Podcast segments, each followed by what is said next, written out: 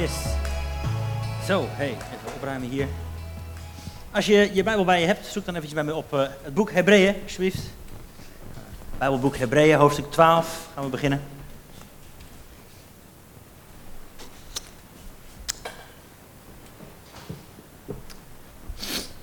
We hebben deze specifieke tekst, hoofdstuk 12 en dan vers 1 en 2 als uh, ons jaarthema gekozen. Wel nu dan, staat daar, laten ook wij, nu wij door zo'n menigte van getuigen omringd worden, afleggen alle last en zonde die ons zo gemakkelijk verstrikt en laten we met volharding de wedloop lopen die voor ons ligt. Terwijl we het oog gericht houden op Jezus, de leidsman en voleinder van het geloof. Hij heeft om de vreugde die hem in het vooruitzicht was gesteld, het kruis verdragen en de schande veracht. En hij zit nu aan de rechterhand van de troon van God. Afgelopen paar weken hebben we het gehad over Jezus is. We wilden dit jaar beginnen met een hele duidelijke focus. Vanochtend ook gezongen. Onze focus is Jezus. Als je God wilt leren kennen, kijk dan naar Jezus. Als je wilt weten hoe je leven eruit kunt zien, kijk dan naar Jezus. En we hebben een paar weken over gehad. Jezus is, puntje, puntje, puntje. En nu willen we eigenlijk doorgaan naar, een volgend thema binnen dit jaarthema. Dat heeft te maken met geloofshelden. En dat heeft te maken met wat we net lezen. Laten wij ook, nu we door zo'n menigte van getuigen omringd worden.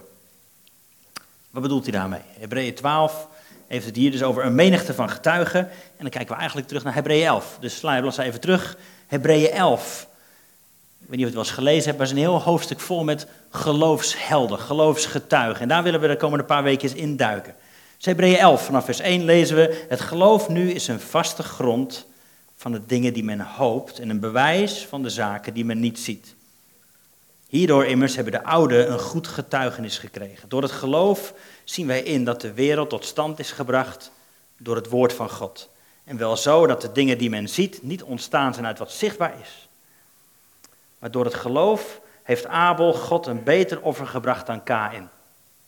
Daardoor kreeg hij getuigenis dat hij rechtvaardig was. Dit heeft God met het oog op zijn gave getuigd. En door dit geloof spreekt hij nog nadat hij gestorven is. Nou, hier gaan we beginnen. Het is een hele lijst met allemaal namen van geloofshelden en het begint met Abel.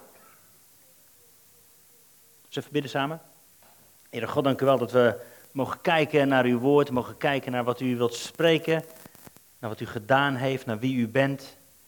Heer, dank u wel dat als we uw woord openen, dat uw geest gaat waaien. Heer, dat hebben we nodig om uw woord levend te maken, ook nu, ook vandaag.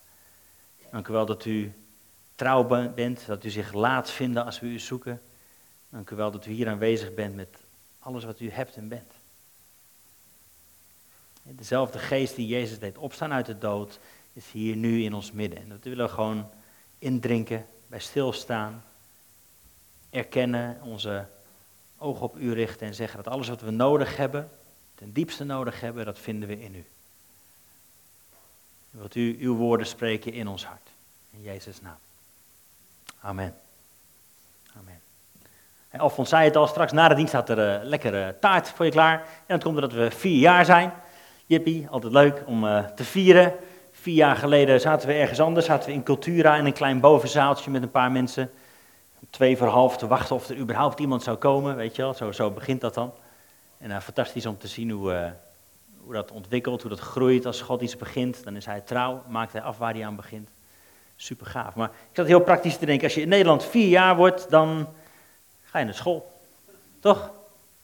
Dan begint er een andere fase in je leven. Dan moet je in één keer naar school lopen of naar school fietsen. Je moet, je moet even iets meer uh, doen. Je krijgt iets meer verantwoordelijkheid, iets meer taakjes. Je groeit op. Je wordt groter. En dat uh, horen een heleboel voorrechten bij, maar ook een heleboel ja, plichten of dingen die erbij komen kijken. Gewoon, dat, dat hoort nou eenmaal. Als je vier jaar bent, dan kom je in een nieuwe fase van je leven. En uh, ik geloof dat het ook voor Connect geldt, maar ook voor jou en mij zoals we hier zitten. Afgelopen weekend hadden we een soort van thema weekend, een, een seminar. En daar was ook een profetisch woord en het ging over de lente komt eraan. Het is buiten nog ijzig koud, het wordt alleen maar kouder de komende paar dagen, maar de lente komt eraan. Ook voor jou en mij, ook in jou en mijn leven. God heeft allemaal dingen in het verborgene. Net zoals je dat in de natuur ziet gebeuren.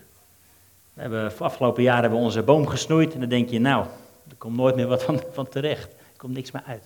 Maar er zit een kracht in die doorgaat. Ook al in de wintertijd lijkt het dood en door. Er zit een kracht in waardoor het weer tot leven komt. Waar er een nieuw seizoen weer nieuwe dingen gaan gebeuren. Nieuwe dingen gaan groeien die God al voor die tijd geplant heeft, voor die tijd heeft voorbereid. Ik geloof dat het in ons leven is als kerk, lente komt eraan. Er zijn een heleboel dingen verborgen nog, die God tot bloei laat komen. Een ander profetisch woord was dit, dat er een enorme grote luchtballon ligt in een weiland. Met allemaal vlakjes en kleurtjes en dingetjes die nog aan elkaar genaaid worden. Maar als die aan elkaar genaaid zijn, komt de lucht erin. En gaat die lucht in. En is het zichtbaar? Is het merkbaar? Heeft het een invloed? Wordt het gezien? Ik geloof dat het voor jou en mij geldt in ons persoonlijk leven. De lente eraan komt. Dingen waarvan je denkt, ja, maar dit is dood en door, laat maar zitten. Er gaat iets nieuws gebeuren, komt een nieuw seizoen. Dat wat God ooit al begonnen is, gaat tot bloei komen. Geloof ik ook voor ons als Connect Kerk. Komt een nieuw seizoen aan. Met iets meer verantwoordelijkheden. Iets meer moeite doen misschien. Maar we willen volwassen worden, toch? We willen discipelen zijn. En daar hoort het nare woordje discipline bij. Maar we willen discipelen zijn van Jezus. We willen volwassen worden. En niet kinderen blijven, maar we willen groeien in Hem, toch? Daarom komen we toch samen, daarom zitten we samen. We willen groeien. Komt een nieuwe fase aan in ons leven, nieuwe levels, nieuwe ruimte innemen. En leuk om, ehm, om dan te weten, mooi om te weten, dat er, zoals hier beschreven staat in Hebreeën 12, dat een hele menigte om ons heen. Allemaal mensen die die racebaan al hebben afgelegd. Allemaal mensen die hun geloof hebben vastgehouden. En ik vond het wel leuk om te beginnen met Abel. Want ja, wat weten we nou eigenlijk helemaal van Abel? Toch? Als ik zo de kinderbijbel eventjes terugblader, dan denk ik, nou, helemaal in het begin waren Adam en Eva. En uh, die moesten het paradijs uit, want die hadden van een appel gegeten. En toen kwamen de twee zoons, Kain en Abel. En die brachten allebei een offer aan God. Die van Kain was niet goed, die van Abel wel. Kain wordt jaloers, maakt Abel dood. En dat was het dan. Zo. En daarom is Abel nu een geloofsheld. Of zo. Het is af en toe leuk om even terug te bladeren. Waarom staat er nou eigenlijk? Wat, wat betekent dat dan? Waarom staat het überhaupt in de Bijbel? Zouden we ook een, een mooier begin kunnen verzinnen? Waardoor we er iets beter vanaf zouden kunnen komen misschien. Waarom, waarom wordt Abel geloofsheld genoemd en wat hebben jij en ik er nu aan dan? Wat kunnen wij er nou mee? 2018 op de Veluwe. Kain en Abel. Waarom is Abel een geloofsheld en wat hebben wij er eigenlijk mee te maken? Nou, leuk om even terug te bladeren. Genesis 1, eh, sorry 4, we gaan helemaal terug naar het begin. Als je je Bijbeltje bij hebt, is dat fijn. Kun je in je eigen vertaling lezen, anders komt het hier ook achter mij. Genesis 4. Gaan we even een stukje terug in de tijd. Kain en Abel, dat verhaal, wat stond er nou eigenlijk echt in de Bijbel? En Adam had gemeenschap met Eva, zijn vrouw, en ze werd zwanger en baarde Kain en zei, ik heb een man van de Heer gekregen. En ze baarde opnieuw zijn broer Abel. Abel werd herder van kleinvee en Kain werd bewerker van de aardbodem. Even tot hier. In het Hebreeuws zegt een naam iets over het karakter van mensen. Zeker in de Bijbel, in die tijd was het heel belangrijk. Het woordje Shem, wat naam betekent, dat wordt ook wel eens vertaald als karakter. Dus je naam zegt iets over wie je bent. Dennis had het hier vorige week over Jacob. En heeft hij heel mooi uitgediept wat dat betekent en wat dat te maken heeft met zijn naam en hoe zijn naam veranderd werd door God. Nou, voor Kain en Abel geldt denk ik hetzelfde. Hun naam zegt iets over hun karakter, over wie ze zijn. Kain, in het Hebreeuws staat Kain, dat betekent verwerven of in bezit hebben. Verwerven of in bezit hebben. En Havel, Abel, betekent ademtocht of ijdelheid of waterdamp. Het vervluchtigt zo. Het is leeg of zonder inhoud. Kain is dus iemand die iets heeft en Abel is, is van zichzelf leeg. Nog een korte opmerking, ik heb er nooit zo over nagedacht eigenlijk, maar heel vaak zie je in de Bijbel terugkomen, die had gemeenschap met die en baarde een zoon, had opnieuw gemeenschap met die baarde een zoon, maar hier staat dat niet, dus het zou kunnen dat ze een tweeling waren. Ook leuk om eens te bedenken. Wist ik eigenlijk helemaal niet. Maar goed, we gaan door naar het volgende vers. En het gebeurde na verloop van dagen dat Kain van de opbrengst van de aardbodem aan de Heer een offer bracht. Ook Abel bracht een offer van de eerstgeborene van zijn kleinvee en van hun vet. De Heer nu sloeg acht op Abel en zijn offer, Maar op Kain en zijn offer sloeg hij geen acht. Toen ontstak Kain in grote woede en liet hij zijn hoofd zakken. En de Heer zei tegen Kain, waarom bent u in woede ontstoken en waarom heeft u uw hoofd laten zakken? Is het niet zo dat u, als u het goede doet, uw hoofd kunt opheffen? Maar als u het niet het goede doet, dan ligt de zonde aan de deur. Naar u gaat zijn begeerte uit, maar u moet over hem heersen. En Kain sprak met zijn broer Abel en het gebeurde dat toen ze op het veld waren, dat Kain zijn broer Abel aanviel en hem doodde. En de Heer zei tegen Kain, waar is Abel, uw broer? En hij zei, ik weet het niet, ben ik de hoeder van mijn broer? En hij zei, wat hebt u gedaan? Er is een stem van het bloed van uw broer dat van de aardbodem tot mij roept. Nu dan, u bent vervloekt, weg van de aardbodem die zijn mond heeft opengedaan om het bloed van uw broer uit uw hand op te nemen. Als u de aardbodem bewerkt, zal die u zijn volle opbrengst niet meer geven. U zult dolend en dwalend over de aarde gaan. En Kain zei tegen de Heer, mijn misdaad is te groot om vergeven te worden. Andere vertalingen, er staat, ja maar die straf is mij te zwaar. Kan allebei. Zie, u verdrijft mij heden van het aangezicht van de aardbodem, en ik zal voor uw aangezicht verborgen zijn en dolend en dwalend over de aarde gaan. En het zal zo zijn dat al wie mij tegenkomt mij zal doden. Maar de Heer zei, daarom zal al wie Kain dood zevenvoudig gewroken worden. En de Heer merkte Kain met een teken, zodat niemand die hem tegenkwam hem zou doden. Toen ging Kain weg van het aangezicht van de Heer en hij woonde in het land Not, ten oosten van Ede. Nou, zeg het maar, waarom is Abel een geloofsheld? De sleutel zit natuurlijk in, in dat offer wat ze allebei brachten. Dit is nog voor de wet van, van Mozes. Het is nog voordat dat allemaal opgeschreven stond. Dus er waren nog niet echt richtlijnen, denk ik, van zus en zo moet je een offer brengen. Er zijn er verschillende uitleggen over dit stukje tekst. En dat vind ik eigenlijk ook wel mooi. Vaak denken wij, er is maar één echte uitleg. Terwijl een hele Hebreeuwse manier van denken zou zijn, het woord van God is zo rijk als een diamant met 70 vlakken en zoveel invalshoeken. En wij denken dan met ons westers denken, ja nee, maar er is maar één echte invalshoek. God is veel groter dan dat, toch? We kunnen niet in een doosje stoppen. God is veel groter dan dat. Een van de invalshoeken bijvoorbeeld waarom het offer van Abel beter dan, was dan dat van Kain, heeft te maken met bloed. Kain was een landbewerker en die bracht een offer van zijn opbrengst van het land. Maar Abel was een, een herder en die moest dus iemand slachten. Een diertje slachten om een offer te brengen. Dat is een van de invalshoeken waarvan mensen zeggen, God heeft bloed nodig, anders wordt je offer niet geaccepteerd. Kijk maar naar het offer van Jezus. Dat gedaan met avondmaal. Dat is een van de invalshoeken. Zit wat in? Zit wat in? Een andere invalshoek is, God heeft altijd een voorkeur voor de jongste. Kijk maar door de hele Bijbel heen. Zeker bij tweelingen is het altijd die jongste die positief in het daglicht komt te staan. Jacob en Esau, bijvoorbeeld. De jongste zoon van het verhaal van de verloren zoon. God heeft een voorkeur voor de jongste. Is een andere invalshoek. Ik wil vandaag eigenlijk kijken naar een andere invalshoek. En dat heeft te maken met eerstelingen. Eerstelingen. Als je het stukje tekst erbij pakt dat we net lazen, dan lees je dat na verloop van dagen bracht Kain een offer. Maar Abel bracht een offer van zijn eerstelingen. Het eerste wat hij kreeg, dat gaf hij aan God. Terwijl, je zou het zo kunnen noemen, dat Kain die gaf van wat hij over had. Oh ja, eh, ik heb nog iets, dat kan ik wel aan God geven. Dat zie je zo vaak terugkomen in de Bijbel. Dat God mensen aanmoedigt, geef nou het eerste van wat je krijgt aan mij. Als het eerste van de oogst goed is, dan is de rest van de oogst ook goed. Als het eerste heilig is, is de rest ook heilig. Als het eerste diertje wat geboren wordt als offer wordt gebracht, dan is de rest ook heilig eerstelingen. Een heel mooi principe wat je in de Bijbel telkens weer terug ziet komen. Geven wij God van onze eerstelingen.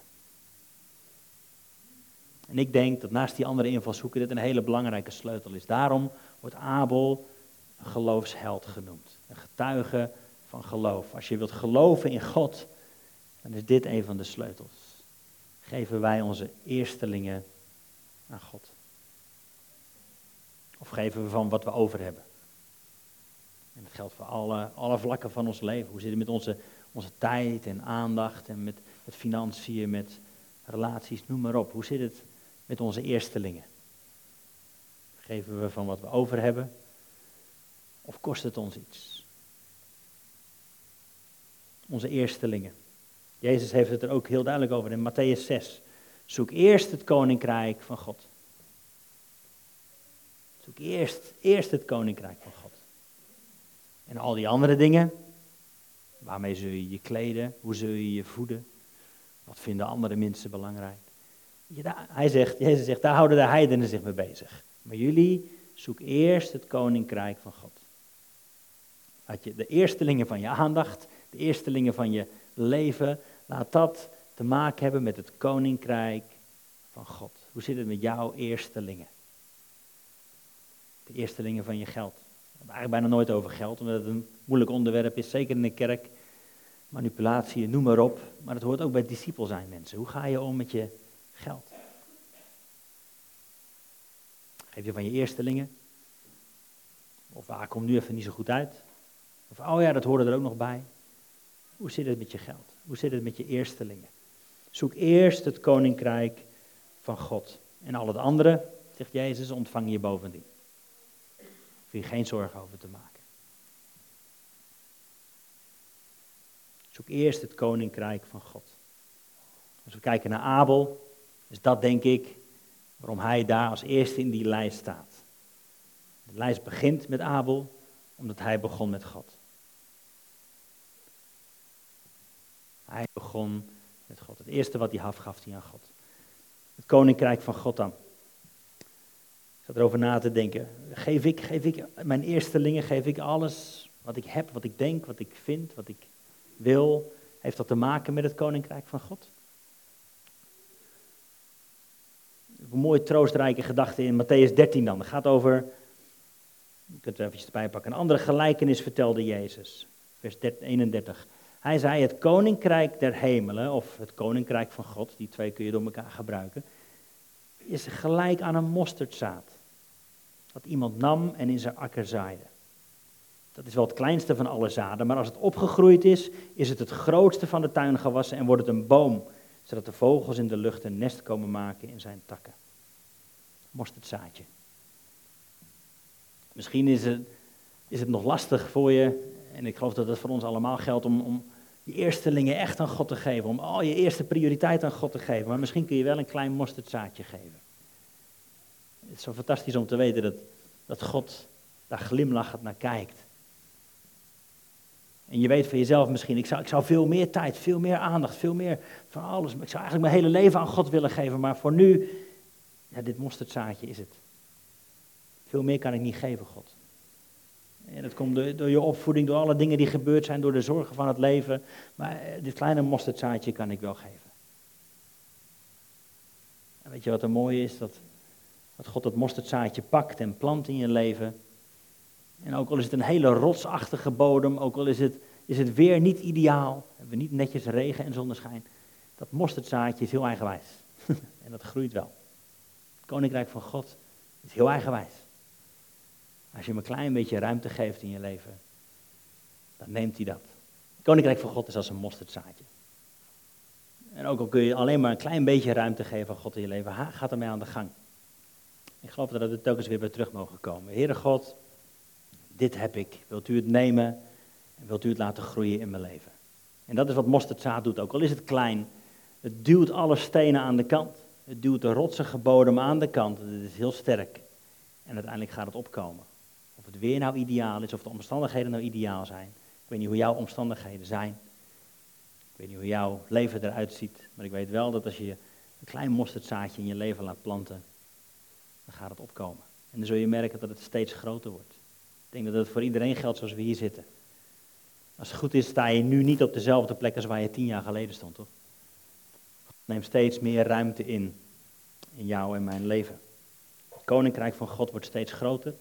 En uiteindelijk staat er, wordt het een boom en kunnen de vogels komen om daarin te schuilen, om een nesten te bouwen. Uiteindelijk is het koninkrijk van God niet alleen maar voor jezelf, maar wordt het uitgebreid, uitgedeeld, kunnen anderen daarvan profiteren, gaat het overstromen. En vandaag is eigenlijk een hele eenvoudige aanmoediging. Zullen we God onze eerstelingen geven? Niet van ons restje, qua tijd, aandacht, geld, qua onze levenshouding. Ik weet niet hoe jij je in het leven staat, maar God is het waard om Hem de eerstelingen te geven. Want wat je de eerste plek geeft in je leven, heeft effect op heel je leven. In de Bijbel zie je het principe telkens weer terugkomen. Als het eerste heilig is, dan wordt de rest ook heilig. Als je eerste 10% heilig is, maakt God de andere 90% ook heilig. Geef je hem je eerstelingen.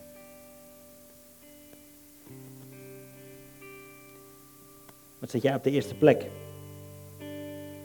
Is het jezelf? Kan hè? What's in it for me? Hoe word ik er beter van? Als je dat doet, zul je zien dat dat doorcijpelt in de rest van je leven. In je relaties zul je zien dat jij op de eerste plek staat. In je werk zul je zien dat jij op de eerste plek staat. In je keuzes zul je zien dat jij op de eerste plek staat. En dat zal een effect hebben op alles wat je doet. Uiteindelijk verstikt dat. God weet dat. God heeft jouw geld niet nodig. God heeft je eten in die zin niet nodig. Hè? Maar hij weet dat jij erdoor tot leven komt als jij hem de eerste plek geeft. Alfons zei het al, hij is het fundament waarop je wilt bouwen. Dat hij je fundament zijn. Dat wat je de eerste plek geeft in je leven, heeft effect op heel je leven. En ik geloof dat als je Jezus opnieuw zegt, wilt u die eerste plek innemen? Dan gaat het effect hebben op heel je leven, op al je keuzes.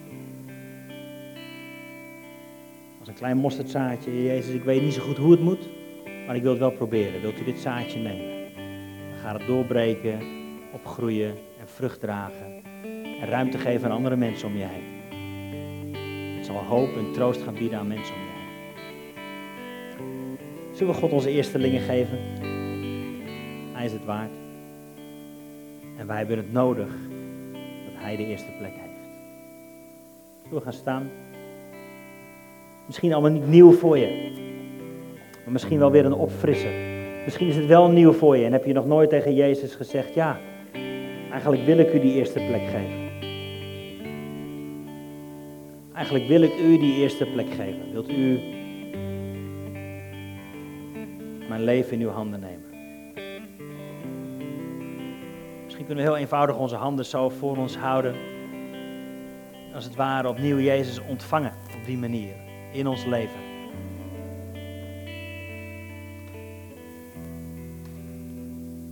net uitgebeden, Heer. Als, als wij tot u naderen, dan nadert u tot ons. En hier zijn we. We willen u ruimte geven in ons leven. Ik wil beleiden voor mezelf dat ik vaak als Kain ben geweest. Dat ik ergens achteraan geplakt heb. Oh ja, mijn leven en ook nog een klein beetje Jezus. Maar ik wil zijn zoals Abel. Ik wil het eerste in mijn leven aan u geven wil u opnieuw op de eerste plek in mijn leven. Heer, en dat mag effect hebben op al mijn keuzes. Het mag een effect hebben in al mijn gebieden.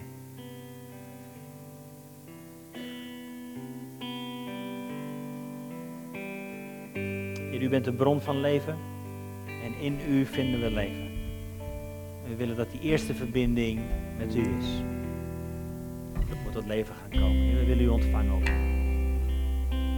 uw koninkrijk planten in ons hart. En laat het vrucht dragen, laat het doorbreken op alle gebieden van ons leven.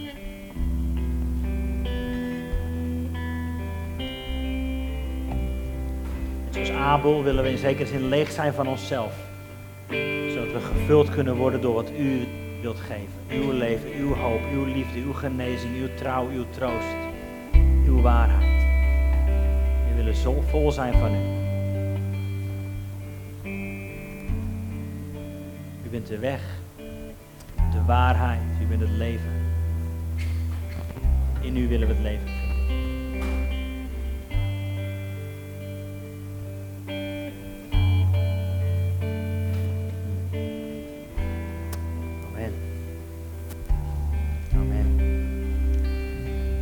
bid je toe dat je leven zult vinden in Hem.